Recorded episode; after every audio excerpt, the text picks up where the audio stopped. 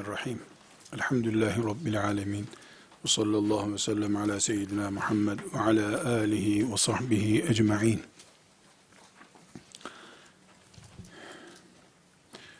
İlmin ibadet olmasını vurguladık. İbadet olduğunu örneklendirdik.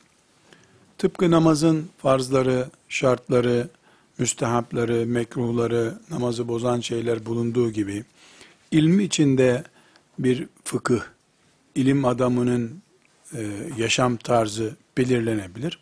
Ama biz her halükarda ilmi e, bir farklı ibadet tarzı olarak hayatımızın bir yerine oturtuyoruz. Ümmeti Muhammed olarak ilmimiz budur, alimimiz de şu kimsedir diye belirliyoruz. Ondan sonra da e, şimdi burada ilimle ilgili dört farklı noktadan e, ilme bakmak istiyoruz. Hatta e, bunu beş nokta olarak da tespit etsek daha da yararlı olur. Beş noktadan alimi ele almamız gerekir diyoruz. Alimi ve ilmi. Ancak e, İmam Hatip Lisesi'ni bitirip Diyanet İşleri'nde görev alıp bir camide namaz kıldıranı kastetmiyorum. Resulullah'tan sallallahu aleyhi ve sellem ilmi miras alıp kıyamete kadar Kur'an eksik olmasın insanlıktan diye üzerinde yük bulunan insanı kastediyorum. Başına geçirdiği sarıkla çoluk çocuğunun rızkını temin eden, helalde olsa bir şeyler geçindirmeye çalışanı kastetmiyorum. İkisi arasında fark var. Birinci perspektifimiz, beş perspektiften bakalım diyorum buna. Birinci perspektifimiz, biz alimleri peygamberlerin varisleri olarak görüyoruz. Ebu Hanife'yi alim diyoruz ama peygamberin varisi olarak görüyoruz. Peygamber sallallahu aleyhi ve sellem altın, gümüş, bakır bırakmadı ama ilim bıraktı. O ilme varis olanlar da onun vekilleridirler. Bununla ilgili e, bir hadisi şerifi Ebu Davud, Tirmizi ve İbn Mace'den beraberce okuyabiliriz. Ebu Davud'da 3641. hadis-i şerif, Tirmizi'de 2682. hadis-i şerif, İbn Mace'de de 223. hadis-i şeriftir. Ve innel ulemâe varasetul enbiyâi ve innel enbiyâe lem yuverrisû dînâran ve el ilme. Femen ahadehu ahade bihazzin vafirin. Buyuruyor sallallahu aleyhi ve sellem Efendimiz. Alimler e, peygamberlerin varisleridirler. E, peygamberler e, altın, gümüş bırakmamışlardır. İlim bırakmışlardır. Kim ilmi aldıysa peygamberden büyük bir nasip kapmış demektir diyor bu hadisi şerif. Beş ilkede alimleri değerlendirelim dedik. Birincisi alimler peygamberlerin varisleridirler. Bu şüphesiz e, basit bir ifade değil. Yani bir toplumda herkes vatandaş, herkes Müslüman, herkes ne camide namaz kılıyor. Ama Medine'de de herkes Müslümandı, herkes namaz kılıyordu, herkes Peygamber aleyhisselamla hacca gitmişti. Bir farkla Resulullah onların önündeydi sallallahu aleyhi ve sellem. Bütün gözler Resulullah'a yönelmişti. Her şey ondan bekleniyordu. Ulul emr oydu. Emredip iş yaptıran oydu. Onun sözü son söz oluyordu. Peygamberlerin varisleri olan alimler de bu konumda görülmelidirler. Onlar da bu konumu hak etmelidirler.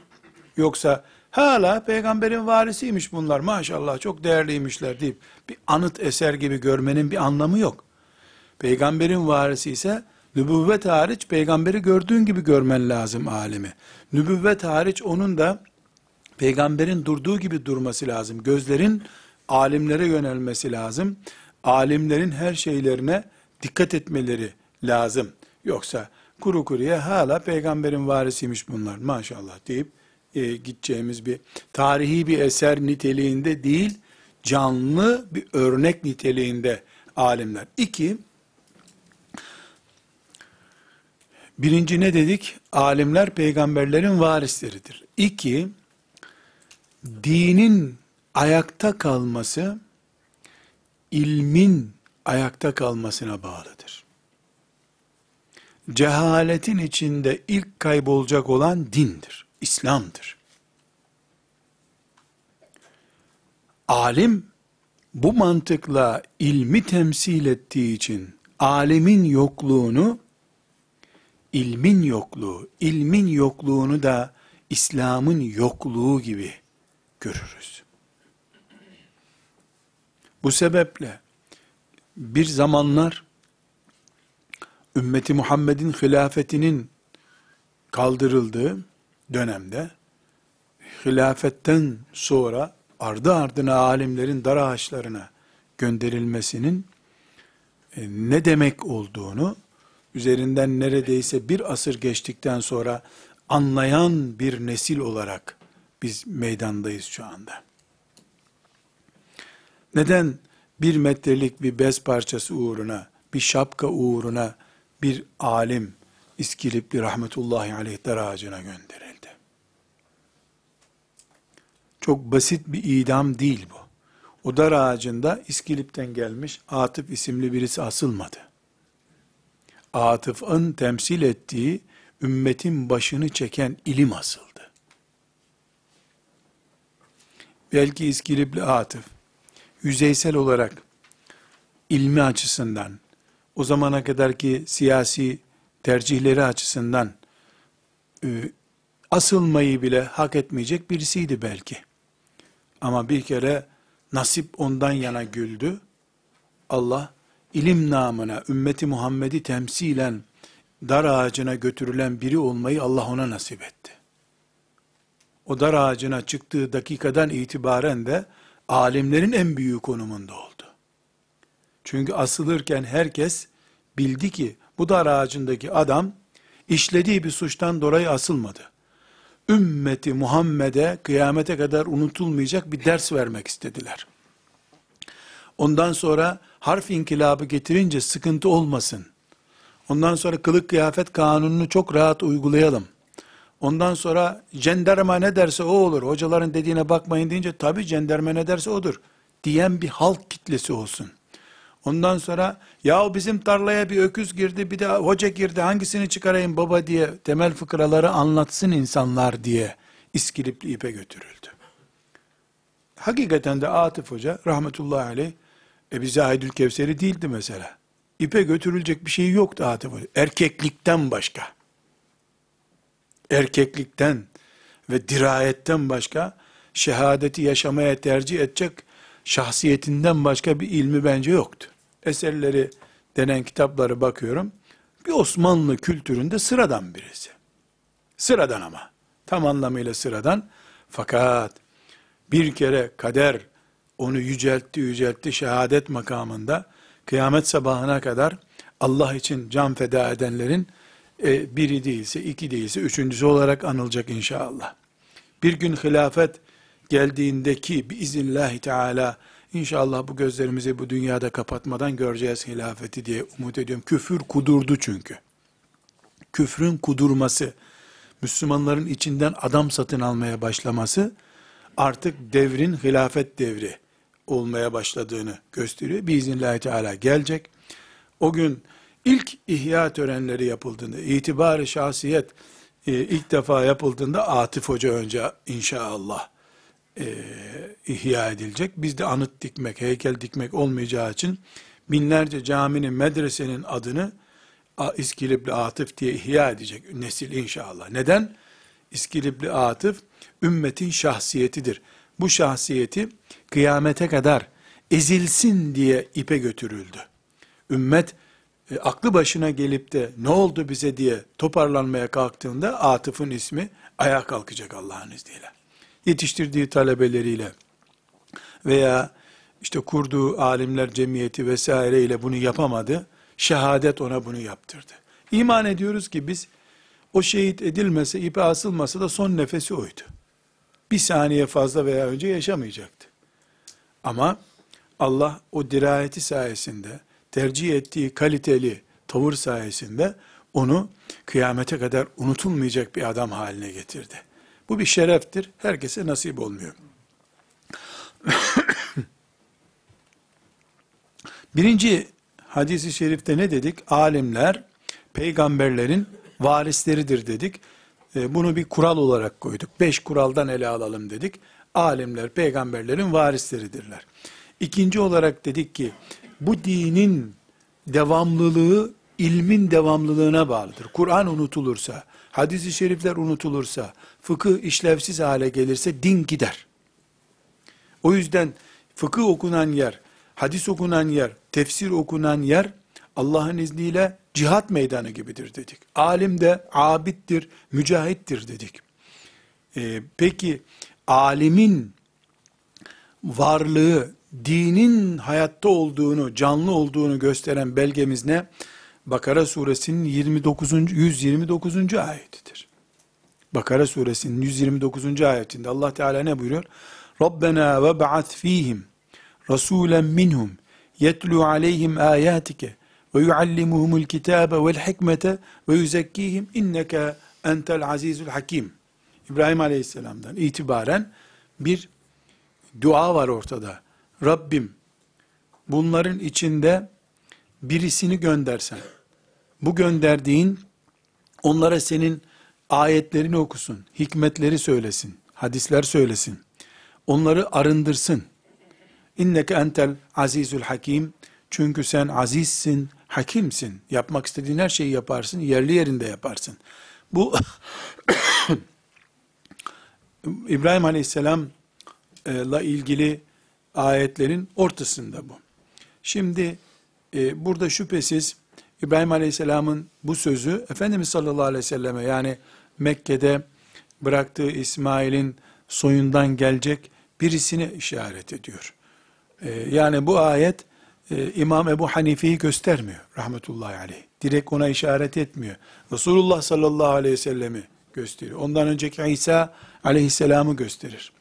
Ama el ulema varasetül enbiya demiştik. Nerede Muhammed'i gösteriyorsa Ebu Hanife'yi de onun temsilcisi olarak gösteriyor. Bir yere gittiğinde Resulullah'ın valileri Resulullah olarak gitmediler. Resulullah'ın valisi olarak gittiler aleyhissalatü vesselam. Dolayısıyla insanlar Resulullah'ı dinler gibi valilerini dinlediler. Resulullah'ı dinlediğiyle, dinledikleri gibi dinlediler. Binaenaleyh ortada Resulullah'a bağlı olmak diye bir şey söz konusu. Bu 129. ayette neyi gösteriyor? Bu ümmetin içerisinde Allah'ın kitabını okuyacak, hikmeti canlı tutacak, insanların ahlaki arınmalarını sağlayacak, vasıflı mümin olmalarını sağlayacak bir kitle bulunması gerekiyor. Bunun için İbrahim Aleyhisselam böyle bir dua yaptı. Elhamdülillah alimler kıyamete kadar bu vazifeyi icra edecekler. Beş kuraldan söz ettik. Dört aslında ama beşe çıkaralım daha kolay anlaşılsın dedik. Beş ilmi, alimi, ilmin ibadet oluşunu, alimin abid, mücahit oluşunu beş şey üzerinden ele alacağız dedik. Dedik ki alim sıradan bir hacı amca değil. Peygamber varisi. İki, alemin varlığı ilmin varlığı demek. İlim varlığı da dinin canlı olması demek. Din hala aktif demektir. Aksi takdirde alim olmazsa ilim çürür. İlim çürüdüğü zaman İslam hayatiyetini kaybeder. Cansız bir İslam ortada olur. İnsanlar kendilerine göre İslam canlandırmak isterler. Tıpkı İsa aleyhisselamdan sonra papazların kaybolan Tevrat ve İncil'in yerine yenisini yazalım da insanlar unutmasın deyip yüzlerce İncil uydurdukları gibi. Bu sefer ortaya Allah'la ilgisi olmayan, Cebrail'in getirdiğine hiç benzemeyen uyduruk bir Hristiyanlık çıkar. Maazallah. Üçüncü nokta olarak da diyoruz ki, bir ve ikinci noktanın doğal görev sonucu olarak yani alim varis ve onun varlığı dinin varlığı demek. Bunun doğal sonucu olarak üçüncü noktada şudur. Alim ilmini yaymaya mecburdur. Alim ilmini yaymaya mecburdur. Maaşını helal ettirecek kadar değil, ilmin hakkını verecek kadar çalışmak zorundadır alim. Eğer alim, ben aldığım parayı kendime helal ettirdim demekle yetinirse, biraz sonra okuyacağımız hadisi şerif başına dert olur ona. Evet alim hastalanır, yatağa düşer, bir sıkıntı yok. Evet alim eli kelepçelenir, dili zincirlenir, gemlenir, bir sıkıntı yok. Ama hayatı yerinde olduğu sürece yazacak veya konuşacak veya dolaşacak bir şey yapacak alim. Herkesin kabiliyeti farklı. Alimin kiminin kimine Allah kabiliyet olarak yazmayı vermiştir. O yazarak ihya edecek. Kimine e, konuşma kabiliyeti vermiştir. O konuşarak ihya edecek. Kimine hem yazma hem konuşma vermiştir. Kimine talebe yetiştirme kabiliyeti vermiştir. Kimine medrese idare etme kabiliyeti vermiştir. Herkes her şeyi yapacak diye bir şey yok. Yani alim illa kitap okutacak demiyoruz. İlla vaaz edecek demiyoruz. İlla e, ders okutacak, talebe okutacak demiyoruz. Herkes farklı ve her şeye ihtiyaç var İslam toplumunda. Herhangi bir e, alan lüzumsuz değil. Medrese idare edecek adamın işi başka. Talebenin derdini anlayacak, e, şeytanın hilelerine karşı tedbirli olacak alim başka. Orada ders verecek adam başka. Hepsi alim ama. Kimlikleri başka. Allah kime hangi kabiliyeti verdiyse o alanda e, özellikle beni Allah seçti deyip çalışacak. Alim ilmini yayacak. Buna mecburdur. Üçüncü nokta olarak da bunu diyoruz. bir örnek sadece e, hem zihnimiz biraz dinlensin. Babam Ömer Nasuhi Bilmen rahmetullahi aleyh ile çok oturmuş kalkmış. Belki 20 defa anlatmıştır bana bu hatırasını. Yani sorulan bir soruyu e, bile düzgün cümlelerle anlatamayacak kadar konuşma özürlüydü diyor. Derdini anlatamaz. Diyor. O derece. Yani mübalağa belki. Mesela bir düğünde tebrik ederim sizi, Allah mübarek etsin demek bile zor bir şeymiş onun için. Ama kitaplarına bakıyorsun, rakipsiz mübarek. Masasında derya, mikrofonun karşısında yok. Bu Ömer Nasuh'u bilmen, rahmetullahi aleyh için bir eksiklik değil. Neden eksiklik olsun ki? Bu ümmeti Muhammed'in alemi yazarak iş hem de ne kadar çetin bir dönemde kitap yazdı. Allah'ın lütfu da Hukuk-u İslamiye isimli bir kitap yazdı. Fıkhın en ağır konularını çok mükemmel bir şekilde dile getirdi. Rahmetullahi aleyh.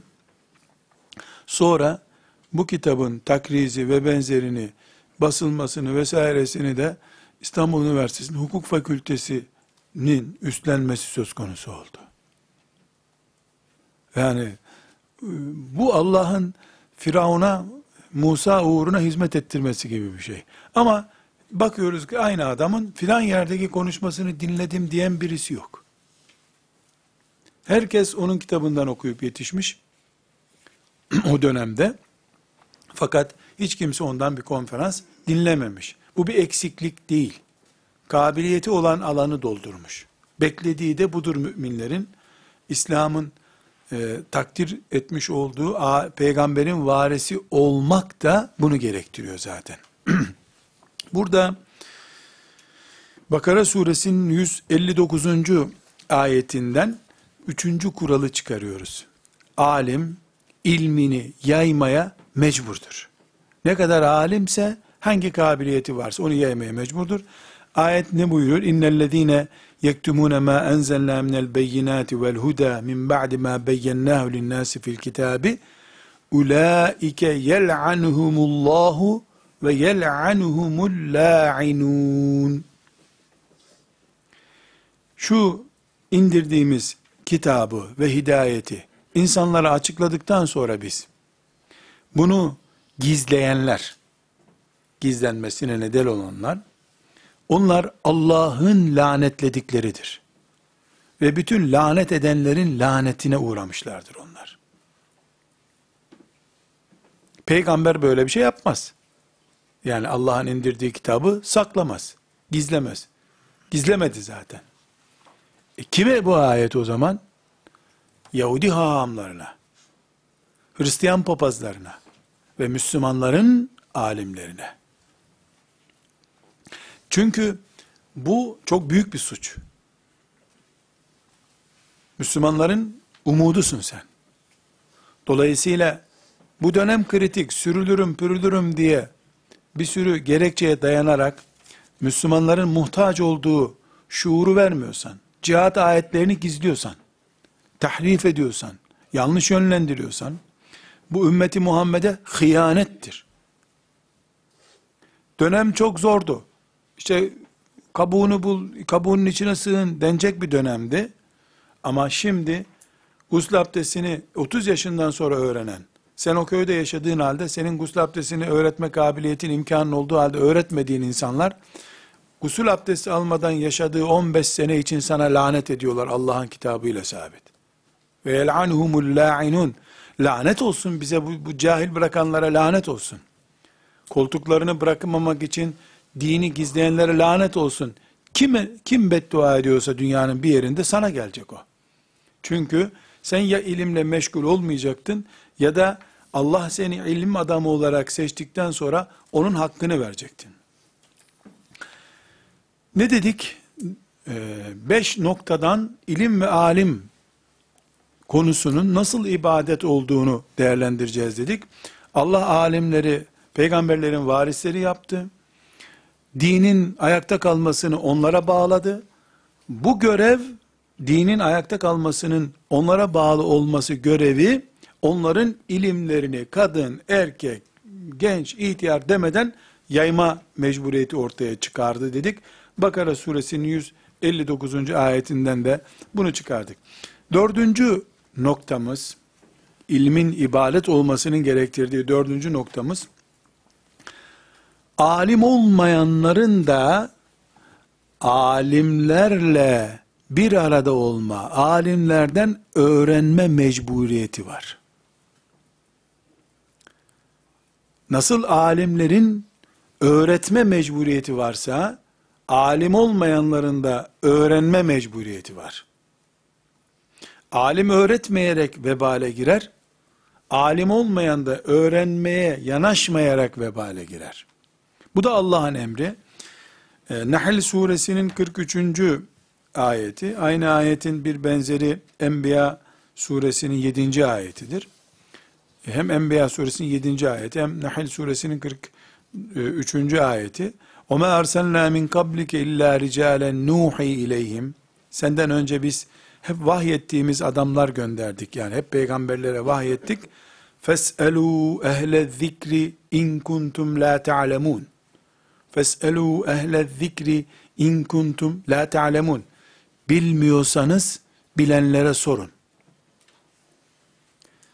Bu feselu ehle zikri in kuntum la ta'lemun Enbiya suresinde de var. Burada e, şöyle bir sonuç karşımıza çıkıyor. Bir Müslüman ben Allah'ın dininde e, gusül abdesti nasıl alacağım dair hükümleri öğrenmek istiyorum diyecek. Bir alimde şöyle olacak demek zorunda. İki, iki tarafta yani alim de alim olmayan da mümin ortak yapısıyla ortak alt paydaları mümin olmaktır bunların. Birinin öğretmek öbürünün öğrenmek mecburiyeti vardır. Öğretmeye yanaşmayan mes'ül kıyamet günü, öğrenmeye yanaşmayan mes'ül kıyamet günü. Hiç kimse ayrıcalıklısı değil Allahu Teala'nın. Birine e, bilmediğini öğren diye emretmiş, öbürüne de sana lanet ederim öğretmezsen demiş. Herkes mesul. Neden? Çünkü söz konusu olan Ahmet'in ilim öğretmesi, Mehmet'in de ilim öğrenmesi değildir. Allah'ın şeriatının kıyamete kadar ayakta kalması demektir. O, o köyde guslü öğretmiyor. Bu, televizyona çıktığında cihat kelimesini kullanmıyor, bir daha programa çıkarmazlar diye. Bu okulları, medreseleri zarar görmesin diye kılıbık, sulu bir Müslümanlık e, yapıyor. Neticede ortaya çıkan şey, bu ümmetin dininin ayakta kalıp kalmaması ile ilgili ciddi bir mesele.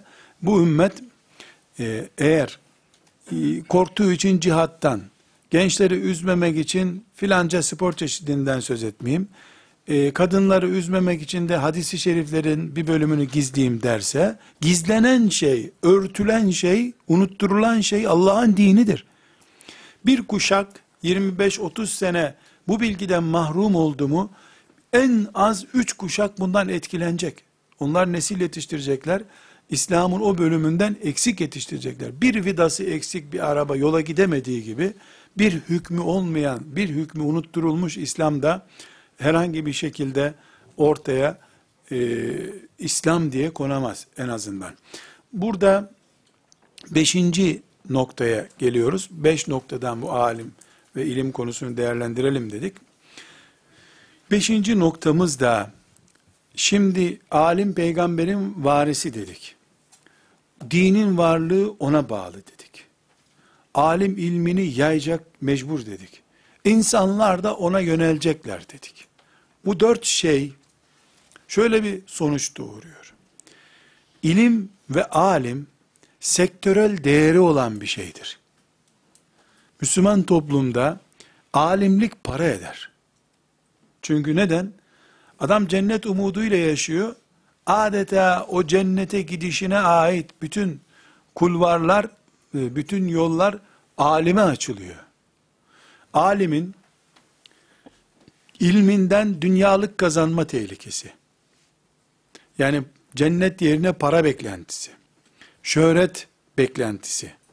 Bir önceki derslerde e, konuştuğumuz şeyler. Alimin e, makamını koruma düşüncesi.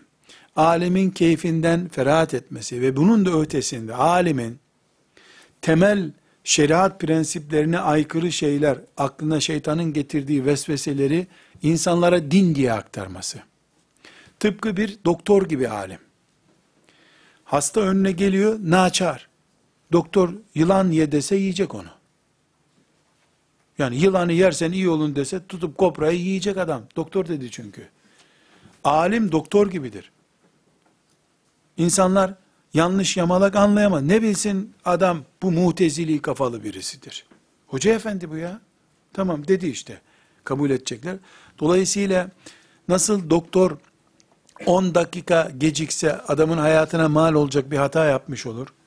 Alemin de 10 yanlış kelimesi bir insanın hayatının, iman hayatının, din hayatının sıfırlanması gibi bir sonuç doğurabilir. Onun için bu ümmetin alimi peygamberine varistir demek öyle sıradan bir laf değil, büyük bir bedel istiyor. Alimin mesela en çirkin pozisyonlarından biri cenneti böyle kucak kucak dağıtıyor, takva, zühd vesaireyi anlatıyor. Açıyorsun penceresini, evinden o görünmüyor. Ofisine gidiyorsun, e, ofisinde resimler var duvarda. Bizim e, ders halkamızda da resim haramdır diye hadis okumuştu bize. Hiç unutmuyorum. Bir grup arkadaşımız Mısır'da e, ismini zikretmeyeyim. Çok değerli hizmetleri var. Allah rahmet eylesin. E, değerli zatı ziyaret. Türkiye'de kitapları çok meşhur. Onu ziyarete gittiklerinde deptebeli bir evde karşıladı onları. Yani onlar böyle her tarafı kütüphane, ondan sonra abdestsiz basılmayan halılar filan öyle bir şey beklerken bir saray yavrusu gibi herkesin keyfine düşkün olduğu kadın getirmiş bunlara meyve suyu ikram etmiş, gerget çayı ikram etmiş filan böyle. Bunlar tabii şok geçirmişler. Sonunda patlayamamış. Bir tanesi e, sabredememiş. İşte üstad demiş, biz Türkiye'den gelirken yani böyle İmam-ı Azam gibi bir eve geleceğiz zannettik. Biraz anlayamadık filan. Yani kitapların başka sen başka gibi Mısır argo diliyle demiş ki di hayati din velet demiş. Yavrum o hayat bu da din demiş. Yani şu gördüğün manzara hayatım benim. Size anlattığımda dinimdi demiş.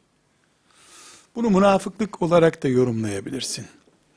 Biraz önce sonra okuyacağımız ayetler, hadislerin yankısı da olarak okuyabilirsin. Ee, Yani o arkadaşımız dönüp Türkiye'ye geldikten sonra aylarca bu şoku atamadı üstünden. Onun için bana bir hocamın çok güzel bir nasihati vardı. Ee, bir siyasi bir konu açıldığı bir yerde çok üzüldüm ben. Bir alemin çok berbat bir cümlesi çıktı ağzından. Çok üzüldüğümü anlayınca dedi ki yavrum dedi ben sana bir nasihat edeyim dedi. Bunu dedi bana Fatiha okursun sonra sen dedi. Alimlerin kitaplarını tanı kendileriyle yüzleşme dedi. Bunlar cumhuriyet görmüş alimdir dedi. Kitapları güzeldir dedi. Kitapları iyidir. Bir alemin kitabı çıktım onunla bir daha görüşme dedi. Kitabından istifade edersin. Tabi bu, bu Laçka dönemin alimlerinin karakteri. Tamamının da değil şüphesiz. Yani Allah dostu olanlar da var. Ama e, bu ümmet e, kızını, hanımını yolda, çarşıda dolaşırken gördüğü hoca efendiye karşı çok morali kırılmıştır. Borcunu ödemeyip helallik bile istemeyen hocalar bu ümmeti çok üzmüşlerdir.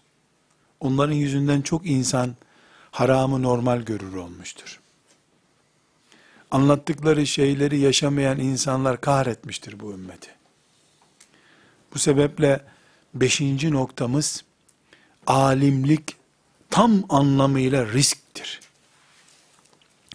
Bu riski alim de bilerek Allah beni çok büyük bir imtihanla imtihan ediyor.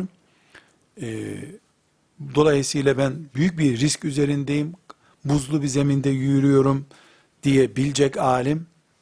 Mümin de alimin de insan olduğunu, beşerden bir beşer olduğunu, masum bir peygamber olmadığını, keşke ilmi gibi olsa ama değilse ne yapayım ben ilmini alırım, balını alırım, çiçeğini de ineğe yem olarak bırakarım.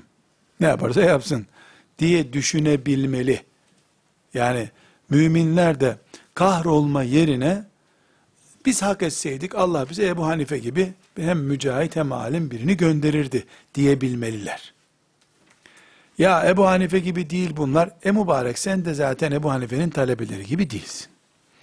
Burada çok veciz e, bir hadis düzeyinde bilmiyorum ama yani bir menkibe bilgisi olarak biliyorum. Çok da hoş bir sonuç. Dolayısıyla hadis olması da gerekmiyor.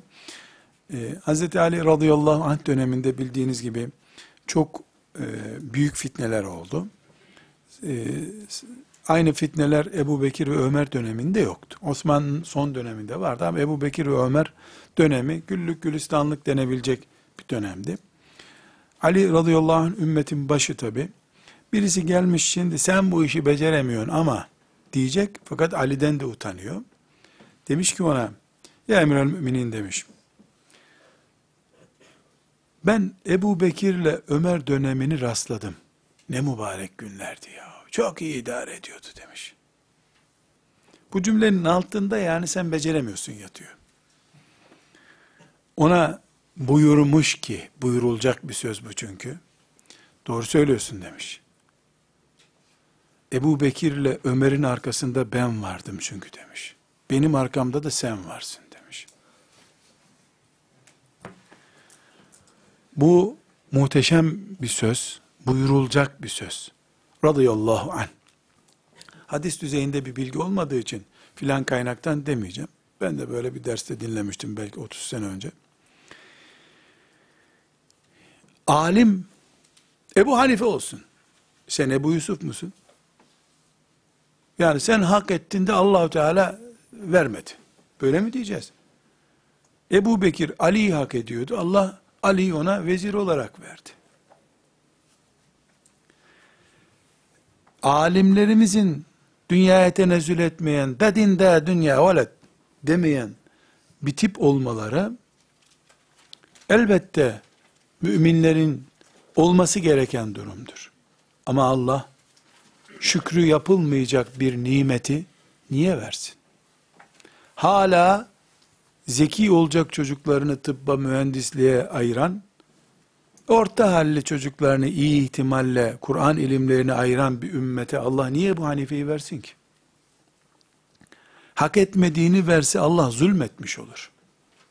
Biz inna Allah la yugayyiru ma bi kavmin hatta yugayyiru ma bi enfusihim e, sözünü unutmayacağız. Hatta yugayyiru ma bi enfusihim. Siz değişirseniz Allah değişecek. Görürse Allah bu ümmet varını yoğunu Kur'an ilimlerine harcamak istiyor.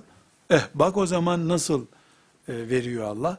Ama ümmeti Muhammed e, hurda olarak, defolu olarak görüyorsa şeriat ilimlerini, hep işte onun çocuğu doktor olsun, bütün zeki çocuklar hafız olsun ondan sonra.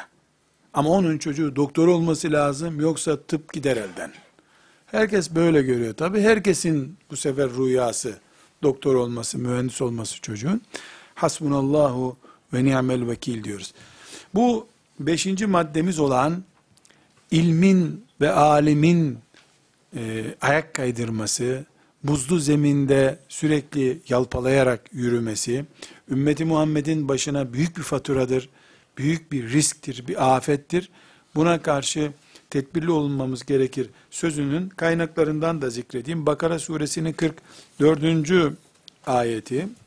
اَتَأْمُرُونَ النَّاسَ بِالْبِرِّ وَتَنْسَوْنَ أَنْفُسَكُمْ وَأَنْتُمْ تَتْلُونَ الْكِتَابِ اَفَلَا تَعَقِلُونَ İnsanlara iyi olun, takva olun diyorsunuz, kendinizi niye unutuyorsunuz? Siz halbuki kitabı siz okuyorsunuz ey alimler. Kitabı siz okuyorsunuz. onlar kitabı okumadıkları halde sizden dinledi, dinliyorlar, iyi olun diyorsunuz onlara. Siz kendiniz kitabı okuyorsunuz, e niye siz iyi olmuyorsunuz? Efela teakülün, sizin kafanız yok mu? Yani bunun bir hesap konusu olacağını düşünmüyor musunuz? Bu beşinci noktaya işaret. Yine Tevbe suresinin 34. ayeti Ya eyyühellezine amenu inne kesiran minel ahbari ve ruhbani le yekulun envalen nasi bil batili ve yasuddun an sebilillah Ey iman edenler Ey iman edenler bu bize hitap İnne kesiran minel ahbari ve ruhban Yahudilerin haamlarının ve papazlarının pek çoğu insanların mallarını hak etmeyecek bir şekilde yiyorlar.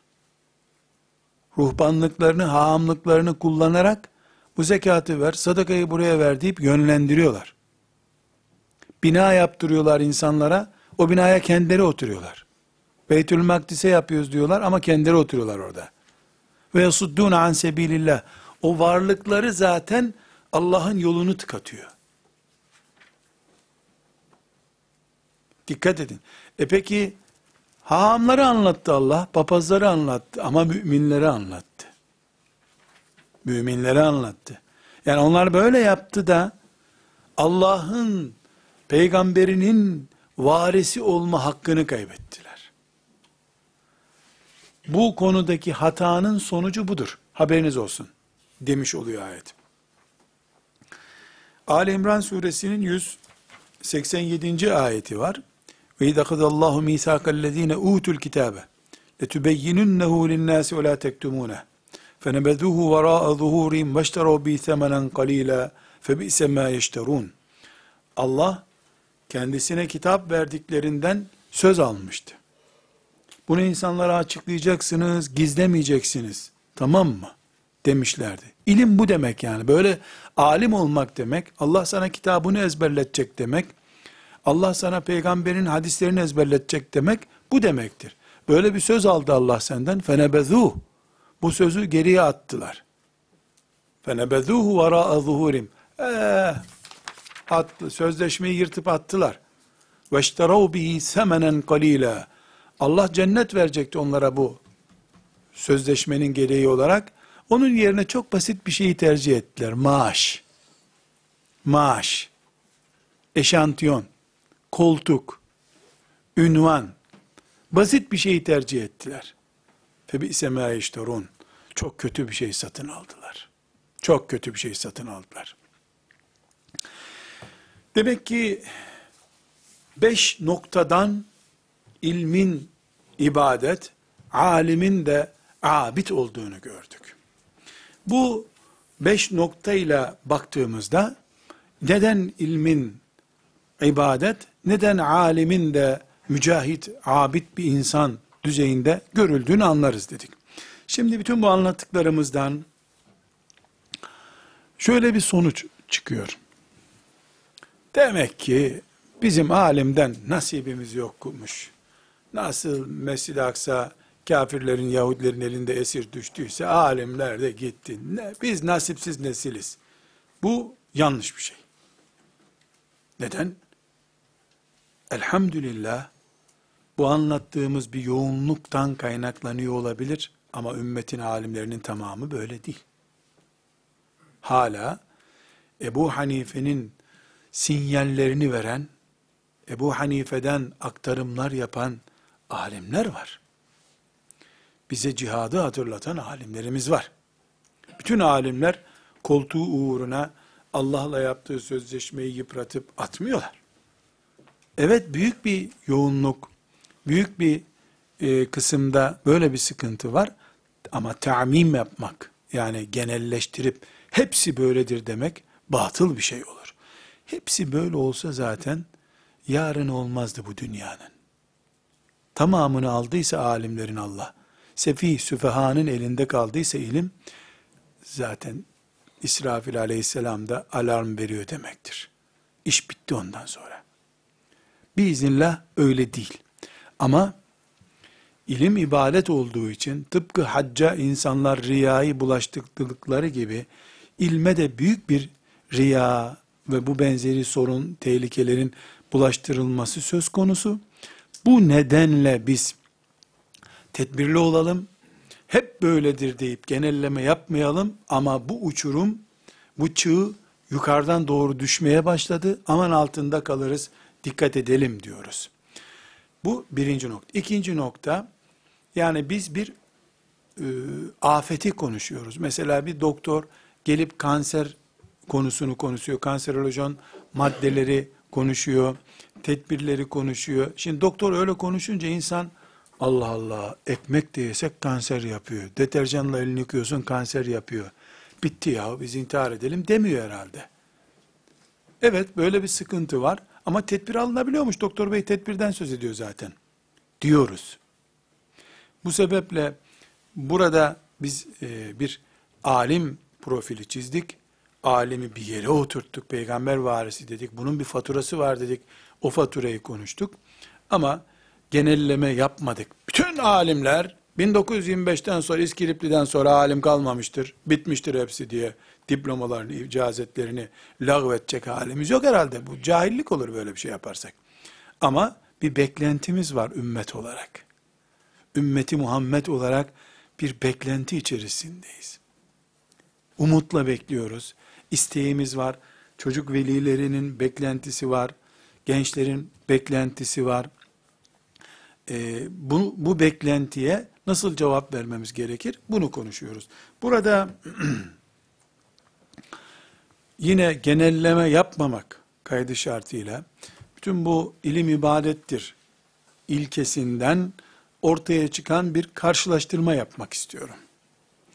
Bu karşılaştırmayla maksadım yani bizim beklediğimiz alim ve mevcut göze batan sorunlu alim yahut da Ebu Hanife tipi, tipinde alim ve koltukçu alim.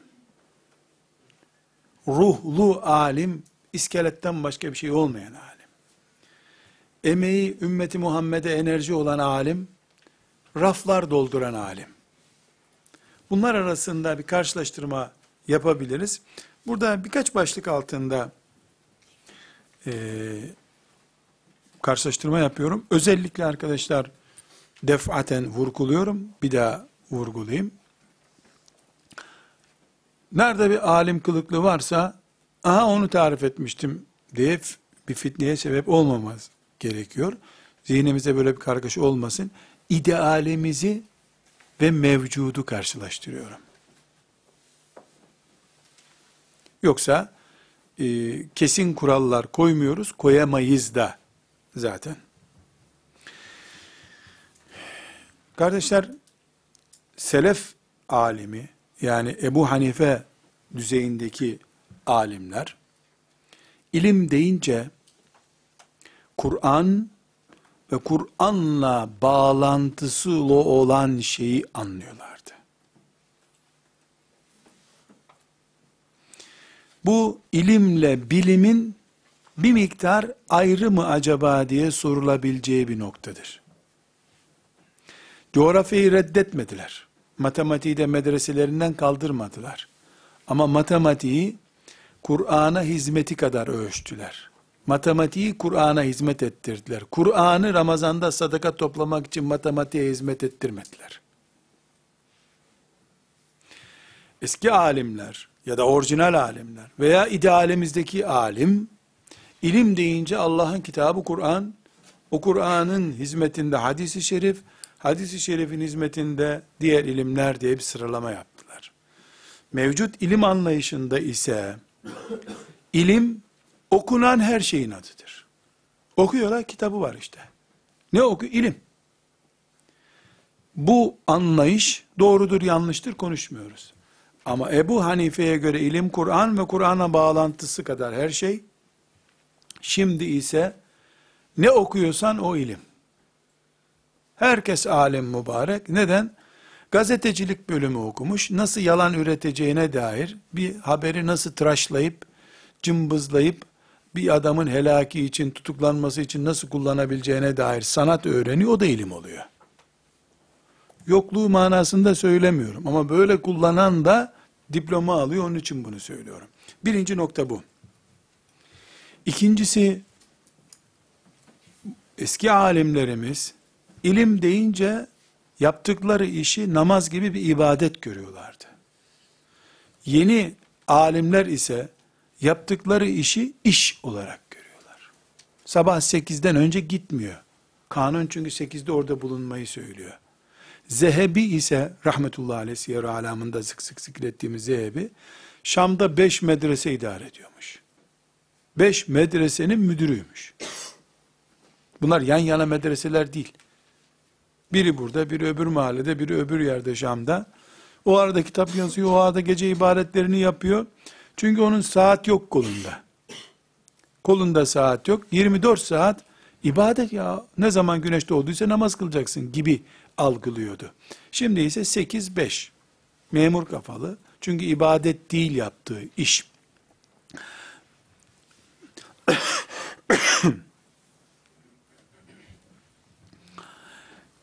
İkinci, üçüncü olarak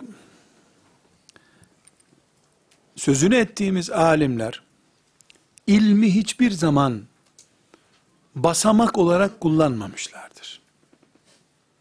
Yani dikkat edin Ebu Hanife'yi hep örnek veriyoruz rahmetullahi aleyh şefaatine nail olmak için inşallah. Ebu Hanife ilme basıp alim olduktan sonra şöyle bir Bağdat kadısı olalım diye gerilmedi. Gel Bağdat kadısı ol diye kabul etmediği için üstelik zindana atıldı.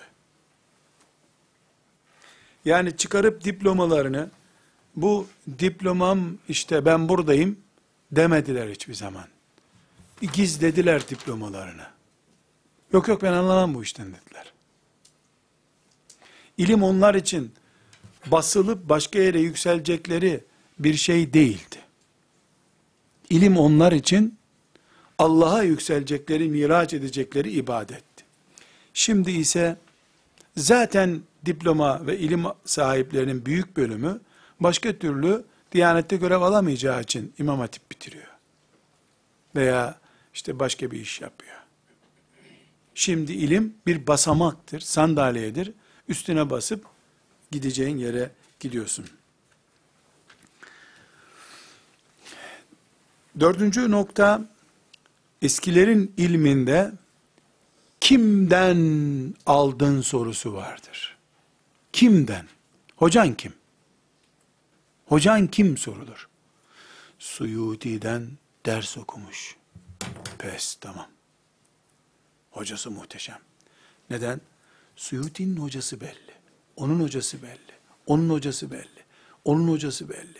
Onun hocası belli. Onun hocası Übey ibn Ka'b. Onun hocası Resulullah. Onun hocası Cebrail. Onun da kaynağı belli. Kimden okudun?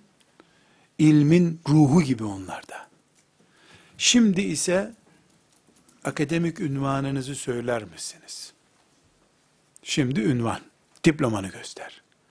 İstersen fotokopi olsun, zaten diploma olsun canım. Nereden aldın? Çölde buldum. Sen tamam üstünde adın yazıyor mu? Yazıyor. Çok basit bir örnek arkadaşlar. Ezher'de 20 sene okuyup diploma alıp doktora alıp gelmiş birisi Türkiye'de ilahiyat fakültelerinden birine müracaat ediyor.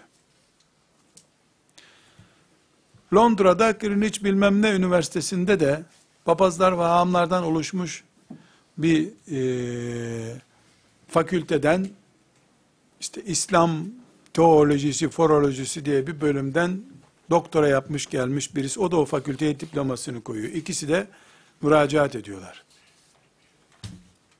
Burada görev alacağız diyorlar.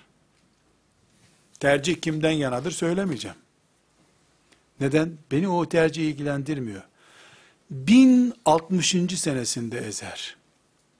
1060 senedir alim yetiştiriyor. Ve ümmeti Muhammed'in eseri. O üniversite 150 senelik üniversite ama papaz yetiştirmek için kurulmuş. Oradan diploma getiriyor.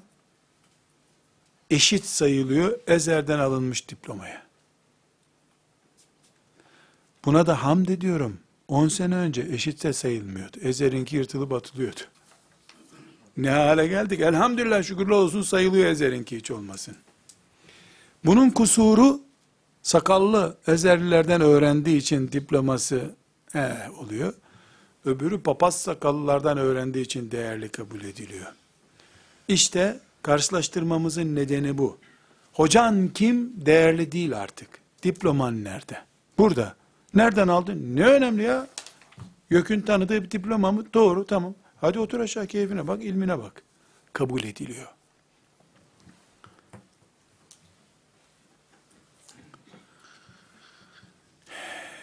Ve beşinci nokta,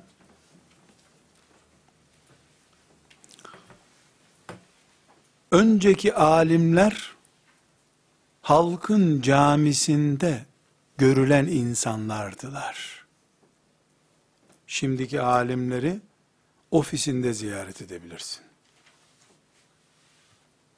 Tek tük alim biliyoruz. Yatsı namazını mahallesindeki camide kıldığı için isteyen orada onu görebiliyor. Güvenlik nedeniyle mahalle mescidine çıkmayabilir bir şöhretli bir alim olabilir. Ama hiçbir alim de mi mahalle mescidinde görülmez? Bu eski ile yeni arasındaki çok ciddi bir fark. Altıncı nokta, önceki alimler, ilimde ağırlaştıkça, ahiret korkuları arttı. Şimdiki alimlerin ise, ilimleri, ünvanları çoğaldıkça, dünyaya bağları çoğaldı. Hepsi için geçerli olmadığını söyledim zaten. Ama her gözümüze çarpan da böyle olursa biz de böyle deriz. Ve bir noktadan daha tespit yapabiliriz. Önceki alimler kafire benzemeyi zillet kabul ediyorlardı. Yaşantıda da her şeyde de. Şimdi sevgili arkadaşlarım kafire benzememeyi kompleks görüyorlar. Modern alim denmez diye sakal bırakamıyor. Sakalın sünnet olduğu ile ilgili de 5-10 hadis yazmış kitaplarında. Haramdır, helaldir gibi bir şey söylemiyorum. Sadece bir basit örnek olarak kravatsız hadis dersine gelemiyor. Yani molla görüntüsü vermeyelim burada diyor. İlminin ağırlığıyla gönülleri fethetme yerine görüntüsüyle göz doldurmaya çalışıyor. Ebu Hanife'nin döneminde kravat olsaydı, bunu zorla takacaksın denseydi, takardı ama onunla intihar etmek için. Affet beni ya Rabbi deyip intihar ederdi herhalde. İntihar etmek caiz olsaydı. Bu fark sadece ele alınsa, neden, neden sorusunun yüzlerce cevabı çıkar bundan. Kompleks var. İlim, vahiy bilgisi, Resulullah'tan duyup yaydıklarımız onurlanmak için yeterli olmuyorsa, çok işimiz var bizim. Alimlerin çok işi var ya. Bitmez tükenmez onların işi demektir. Bir mümin, değil alim, sıradan bir müminin ilmi yeterli bulması lazım. Kalbi yerden göğe kadar onurlu, huzurlu olması için. Maalesef alimlerimizin bu konuda bir eksikliği var. Verdiğim örnek yani kravat örneği, sakal örneği gereklidir, gereksizdir açısından değil. Ama unutulmaması gereken çok basit örnekler bunlar. Çünkü onlardan daha ağır kalpte zilleti gösteren belki akide açısından tehlikeli olan bir sorun da var. Olabilir. Her halükarda kardeşler ilmin ibadet olduğunu, alimin abid, mücahit sayıldığını, bunun ciddi sonuçları olduğunu, topluma ve alime yansıması gereken sonuçlar olduğunu, bugün bize kadar gelen hadislerin, ayetlerin, tefsirinin, fıkhın bu mantıkla ele alındığı için bugüne kadar elhamdülillah taşındığını, bundan sonra da ancak bu ruh haliyle e, taşınabileceğini vurgulamak için bunları tespit ettik. allah Teala'dan niyazımız odur ki, şu övdüğümüz, övmekle iftihar ettiğimiz alimlerin düzeyinde olmayı bize müyesser kılsın. O olmazsa onların sevgisiyle içimizi doldursun, hasretiyle doldursun. Bu da bir kazançtır Allah'ın izniyle. Velhamdülillahi Rabbil Alemin. قل إن كنتم تحبون